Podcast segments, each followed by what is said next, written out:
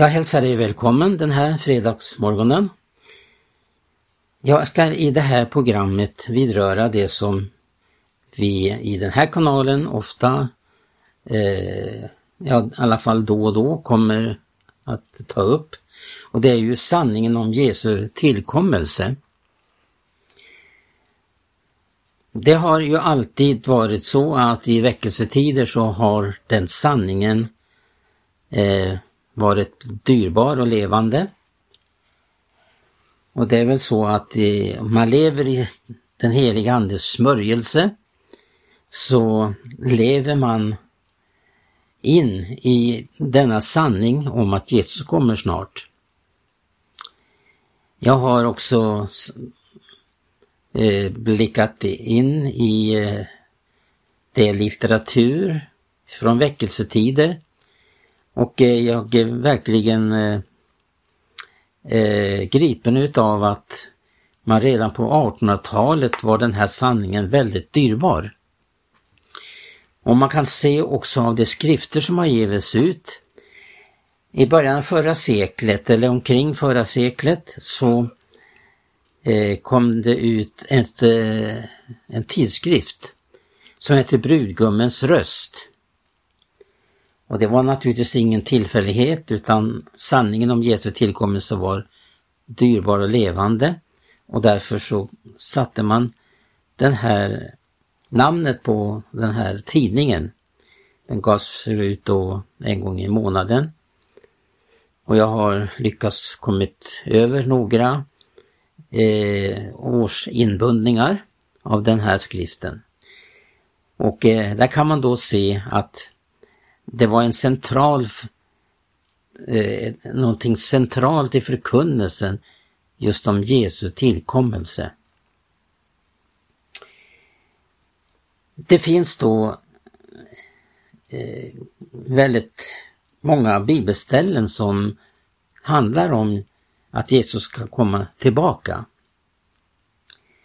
Och eh, vissa bibelsammanhang talar klart och tydligt om vikten av att vara redo. Hur man ska vara redo. Vilka som är redo. Och att den här skaran som Jesus ska hämta utgör en brudeskara. En skara som har avskilt sig för honom, som lever för honom här i tiden. Det är väldigt, väldigt viktigt att han eh, finner oss eh, i ett sådant eh, andligt skick att vi kommer att eh, följa med in i bröllopssalen. Och oftast när vi talar om Jesu tillkommelse så kommer vi att tänka på vissa bibelord och tänker, jag tänker bland annat på Matteus 25. Där Jesus eh, framställer en liknelse en liknelse om tio jungfrur. Och, eh, men eh, det är inte bara denna liknelse utan eh, eh det här är ju kapitel 25 och föregående kapitel så talas det om eh, att också vara redo. Ifrån eh, kapitel 24 från 44 versen där eh, heter det, var den därför och är redo till den stund och icke väntan det, skall Människosonen komma. Och så framställer han en sida av att vara förberedd, att vara redo för att möta brudgummen på skyn. Finnes nu någon trogen och förståndig tjänare som av sin herre har blivit satt över hans hushåll för att giva dem mat i rätt tid. Salig är då den tjänaren som hans herre, när han kommer, finner honom göra så. Och fortsätter vi direkt efter liknelsen om de tio jungfrurna i kapitel 25 så, for, så fortsätter det där att eh, framställa en annan sida i att vara redo.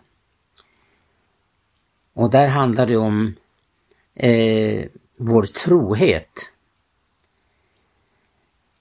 förut här i kapitel 24 handlar om trohet i umgängelse med sitt hus, med husfolket. Huruvida vi ger dem mat i rätt tid. Är vi trogen den uppgiften? Finnes nu någon trogen och förståndig tjänare som av sin herre har blivit satt över hans husfolk för att giva dem mat i rätt tid?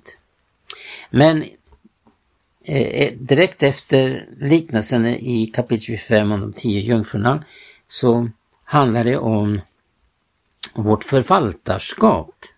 Att det Gud har överlämnat i våra händer, det ska vi förvalta. Och eh, Vår Herre kommer att eh, yttra sig så här att eh, Rätt så du gode och trogne tjänare, när du var satt över det ringa, det som är ringa, var du trogen och jag ska sätta dig över mycket, gå in i min Herres glädje. Det är tre sidor av som handlar om vårt förberedande, att vara redo. Men i, i, i den här kända liknelsen eh, om de tio jungfrurna så eh, får vi veta om någonting som var avgörande för att vara redo. Och då handlar det om oljan. Det var ju på grund av ol att oljan tog slut. Alla tio hade olja från början, för annars skulle inte de eh, ha slocknat. Lamporna slocknade för det oförståndiga. De hade inte tillgång till olja på det viset att de hade tagit med sig kärl. Men en ting som jag särskilt vill fästa uppmärksamheten på det är just det här att, att i den här liknelsen så talas det om att man har gjort sig redo. Inte att man håller på att göra sig redo.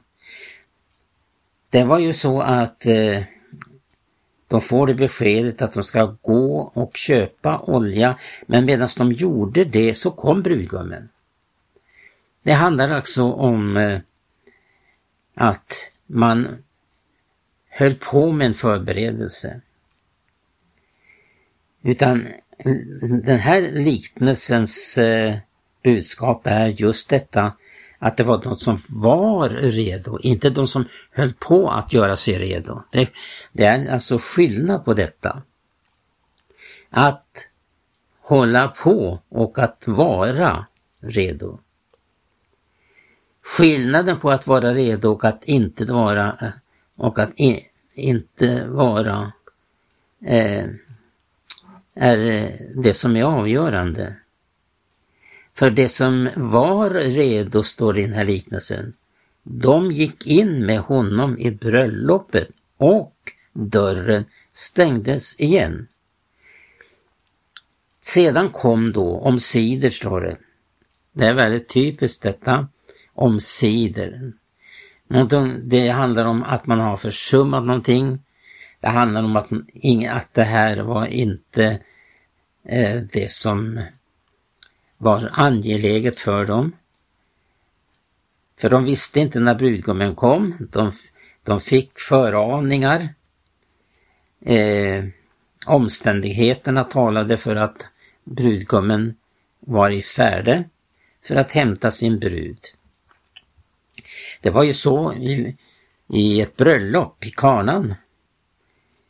Så kom bruden och hämtade brudgummen i, eller eh, brudgummen, förlåt, kom för att hämta sin brud i brudens hem för att föra bruden hem till sin faders hus.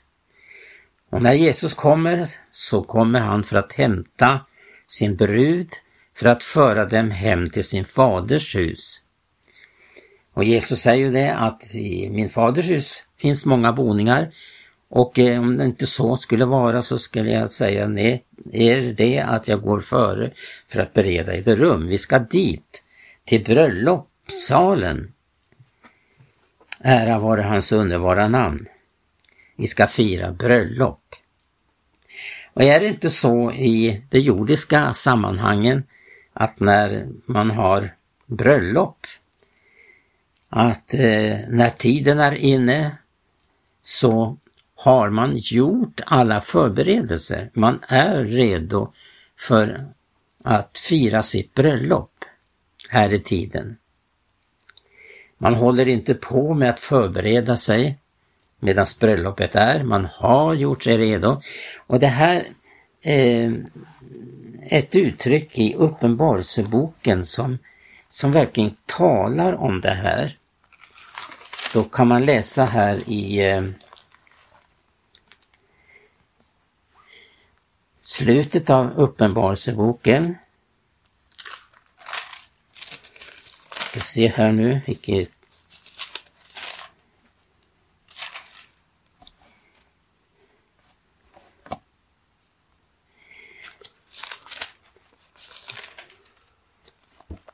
Ja, det står då i Uppenbarelsebokens 19 kapitel och vers 7. Låt oss glädjas och fröjda oss och giva honom äran, till tiden är inne för Lammets bröllop och dess brud har gjort sig redo. Det vill säga, för att vara med om uppryckelsen så handlar det om att man har gjort sig redo. Det finns många ting i det, sam i det här sammanhanget med att eh, vara en väntande brud som har gjort sig redo. Det handlar om att eh, hon har avskilt sig för sin brudgum. Hon lever för honom. Hon älskar hans tillkommelse. Det här är ett uttryck som vi finner i eh, när Paulus skriver till Timoteus. Och I andra brevet här så talar ju Paulus om att han har fullbordat sitt lopp och nu ligger rättfärdighetens segerkrans till reds åt honom. Men inte bara åt honom, utan observera det här uttrycket, men åt alla som har älskat hans tillkommelse. Det är klart att det är helt uppenbart att det innebär en livsstil att älska Jesu tillkommelse. Att vänta Jesus, det är en livsstil. Ska vara en livsstil. Och den som har gjort sig redo lever redan här i uppryckelsen. Och när uppryckelsen sker så är, kommer det inte som en överraskning utan det är någonting som är bara en förlängning av förberedande, eh, att man har gjort sig redo. Att man tillhör brudeskaran. Det är bara ett steg fram, ytterligare ett steg fram eh, för den väntande bruden. Det kommer inte eh, plötsligt på det viset att man inte är redo. Utan man är, den som är, är redo lever ju redan här i, i uppryckelsen. Det är ingen hemlighet. Därför att eh, eh, bruden, den håller sig ren, obefläckad av världen till exempel. Hon, det är inte som det står om i en av församlingarna eh, i Uppenbarelseboken, sänder Eh, det finns sju sändebrev till sju olika församlingar. Och en av dessa församlingar talas det om att, att det fanns i församlingen några få som inte hade fläckat sina kläder och de ska få vandra med mig i vita kläder. Tänk vad allvarligt det är, tänk viktigt det är med förberedelsen. Att man har förberett sig, att man lever inte för denna världen. Att man lever, går inte här med fläckad klädnad som de flesta i den församlingen hade gjort.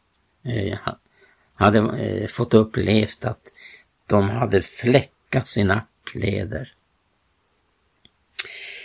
Och åter så finns det också eh, väldigt avslöjande för oss när vi läser om sändebreven och där man tänker på att eh, en sån församling som Efeseförsamlingen hade förlorat det väsentligaste som hade så mycket men saknade det väsentligaste och det var den första kärleken.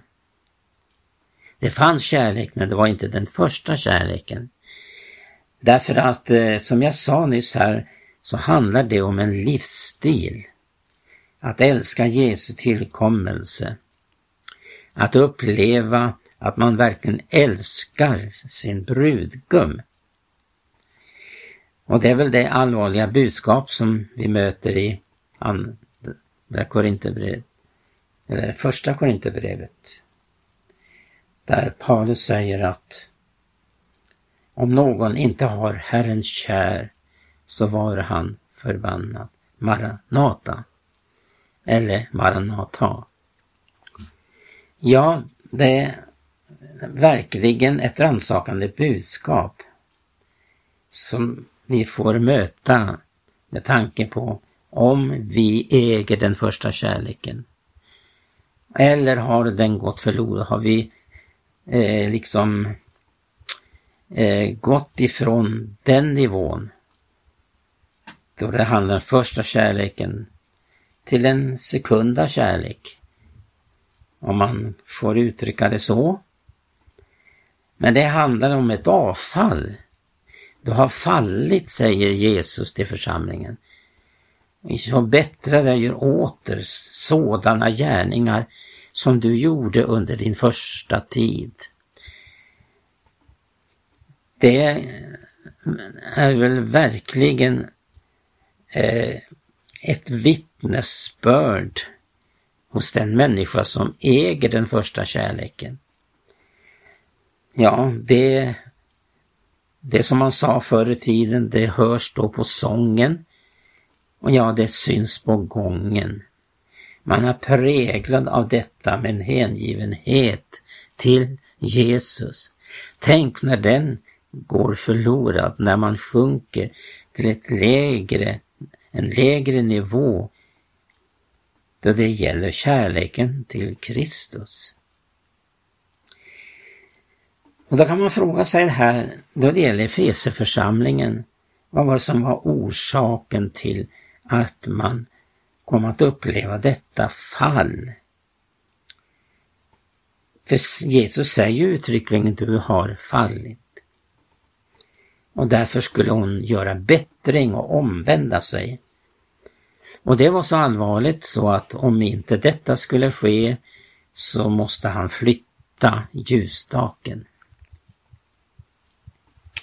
Denna församling som, som jag nyss sa ägde så mycket, hade ståndaktighet, hade lidit mycket för det namnets skull och hade prövat den som sig, sa sig vara apostlar men inte var det. Ja, det fanns väldigt starka vittnesbörd om församlingen. Förutom just detta då att hon hade förlorat någonting väsentligast. Det väsentligaste det är ju kärleken. Kärleken till Kristus. Och det är verkligen någonting som eh, ger, ett, ger vittnesbörd ifrån sig. Den som älskar Jesus, det präglar hennes liv, hennes tal, hennes hållning, hennes sätt att tala och agera. Det, det finns ingenting som är så avslöjande. Till exempel när troende människor träffas och man öppnar samtal och då är det ju frågan om hur är detta samtal? Är det jord och värld, problem och jordiska ting eller handlar det om, om just detta att man är präglas av denna hängivenhet till Jesus? Det hörs på talet, det avslöjar. Och det är väl så att Bibeln talar just om detta att avhålla sig, att inte leva och låta sig besmittas av världen. Att hålla sig ren och obesmittad. När vi då tänker på den tid vi lever i så är det en speciell tid. Och eh, Bibeln säger ju att den sista tiden kommer att präglas utav det som Laodicea levde i. Det är det som kommer att prägla kristenheten i den sista tiden därför att varje församling eh, återspeglar det historiska skeendet, skeendet då det gäller församlingen. Från Efeserförsamlingen och fram till, till Laodicea-församlingen. Varje församling speglar historiskt församlingen här på jorden. Och då är vi framme vid Laodicea-tiden. Och man kan säga så här att när man lever i en sån svår tid som vi gör idag, där det råder empati, likgiltighet och allting går ut på att leva i en religiös underhållning. För man har inte det verkliga livet. Och i sån tid då så upplever man verkligen att man eh, känner sig ett med Noa. För att, som jag brukar säga ibland, eh, exceptionella, exceptionell tid kräver exceptionella metoder. Det var det som Noa fick uppleva. Han som också är en förebild för församlingen och som lyftes upp ifrån den här världen för att ingå i en ny värld. Han är ju verkligen en förebild för de sista tidens kristna. Noa han arbetade verkligen, som Paulus säger i Filipperbrevet, med fruktan och bevan på sin frälsning. Noa, hans inriktning, det var inte denna världen. Han hade gjort upp räkningen. Han agerade på någonting som verkade som dårskap för hans samtid. Och att vänta Jesus att lyftas upp i ett ögonblick, det är någonting som inte den naturliga själiska människan eh, kan greppa. För det är ju uppenbart att det sker ett stort under. Detta när de döda ska uppstå och de som ännu lever kvar skall i ett nu förvandlas och ryckas Jesus till mötes. Det här var en påminnelse då om den, en mycket, mycket viktig och också allvarlig men samtidigt härlig sanning att Jesus ska komma. Den inrymmer också oerhörd dramatik med tanke på detta att, den, att det som inte var redo stannar kvar här i tiden och eh, genomlever vedermödans fruktan, mm, fruktansvärda natt. Som inte någon egentligen riktigt kan, kanske kan greppa om. Det kan bara den heliga Ande uppenbar för oss vad det innebär att bli kvarlämnad här i tiden.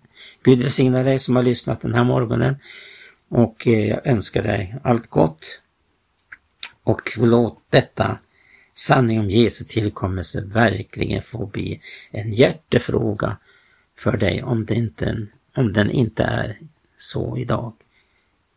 På återhörande.